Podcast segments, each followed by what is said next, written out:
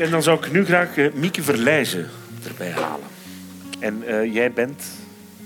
Ik ben de staande magistratuur, het Openbaar Ministerie. Ja. En ik vertegenwoordig eigenlijk de samenleving. Ja.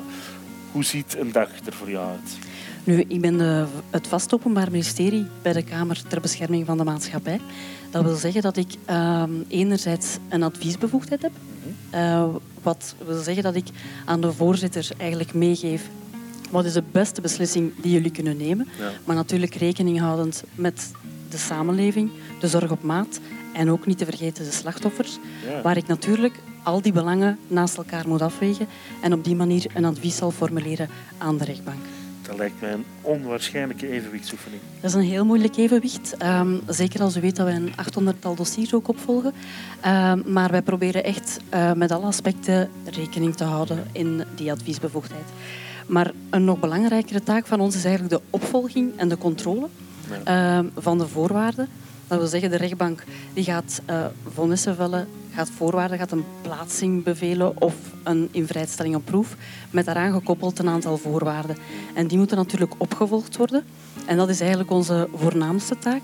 En daarvoor kan ik beroep doen eigenlijk op ontzettend uh, goede mensen. Dat zijn de justitieassistenten, dat zijn de medewerkers van de gevangenissen, de plaatsingsinstellingen, die ons eigenlijk voortdurend meegeven hoe het nu gaat met dat interneringstraject en hoe het gaat met de opvolging van die voorwaarden.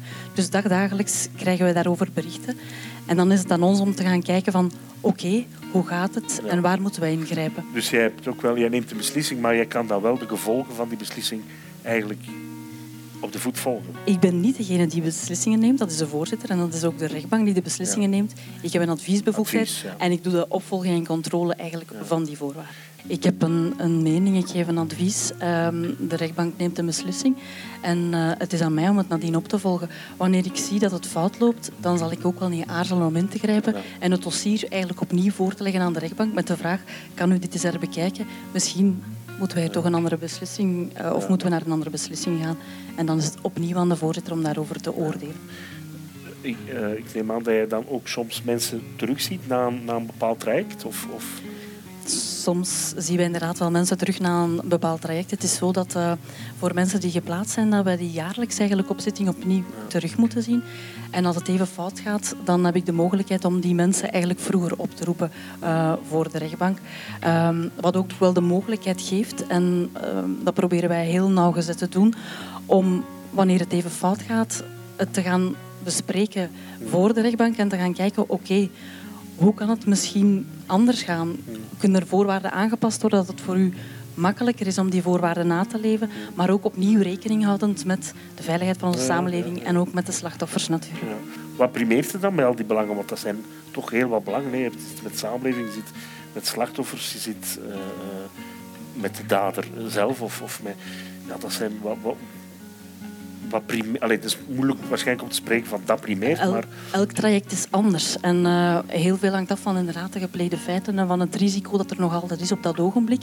Uh, maar soms gaat het ook om, om heel lichte feiten waarvoor mensen nog geïnterneerd zijn. En dan moet je gaan kijken, oké, hier zal de zorg uh, primeren op de veiligheid van onze samenleving. Maar dan moeten we elk dossier uh, heel grondig gaan voor bestuderen en goed gaan bekijken.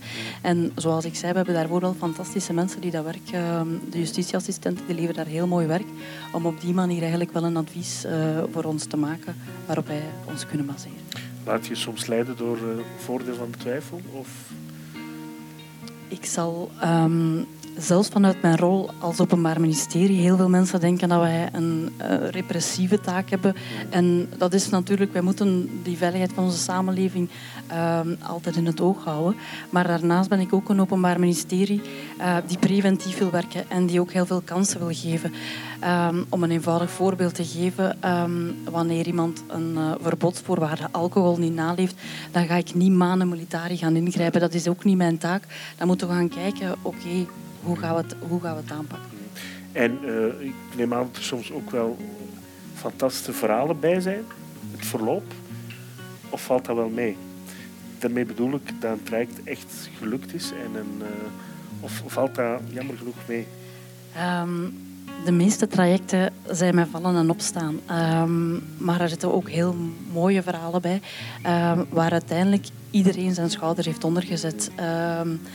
en ook vooral ook de familie die betrokken is. Ik denk dat dat ook een heel belangrijke factor is om dat ook mee te geven. Dat er heel veel uh, ondersteunende familie is die ermee voor zorgt dat zo'n traject succesvol kan zijn. Want want is, er, is er ook dan plaats voor slachtoffers in dat traject? Hoe, hoe gaat dat dan? Ja, absoluut. En uh, een nieuwe interneringswet is uh, het slachtoffer eigenlijk, heeft dan nog een prominentere rol gekregen in die wet. Het is zo dat wanneer een feit gepleegd wordt, onze dienst slachtofferontaal um, de slachtoffers gaat contacteren. Gaat zeggen van kijk, u heeft het recht om gehoord te worden voor de rechtbank, voor de Kamer ter Bescherming Maatschappij. En u kan heel specifiek vragen om voorwaarden op te leggen. Dat gaat meestal om uh, contactverboden of om regioverboden. Uh, maar op die manier natuurlijk hebben die slachtoffers ook een stem in heel dat debat. En wat ik ook meer en meer zie, is dat ook de behandelaars echt gaan werken uh, rond de impact van die feiten op de slachtoffers, zodanig dat je daar ook een evolutie ziet en daar ook mee aan de slag kan gaan. Mevrouw Verlijzen, heel erg.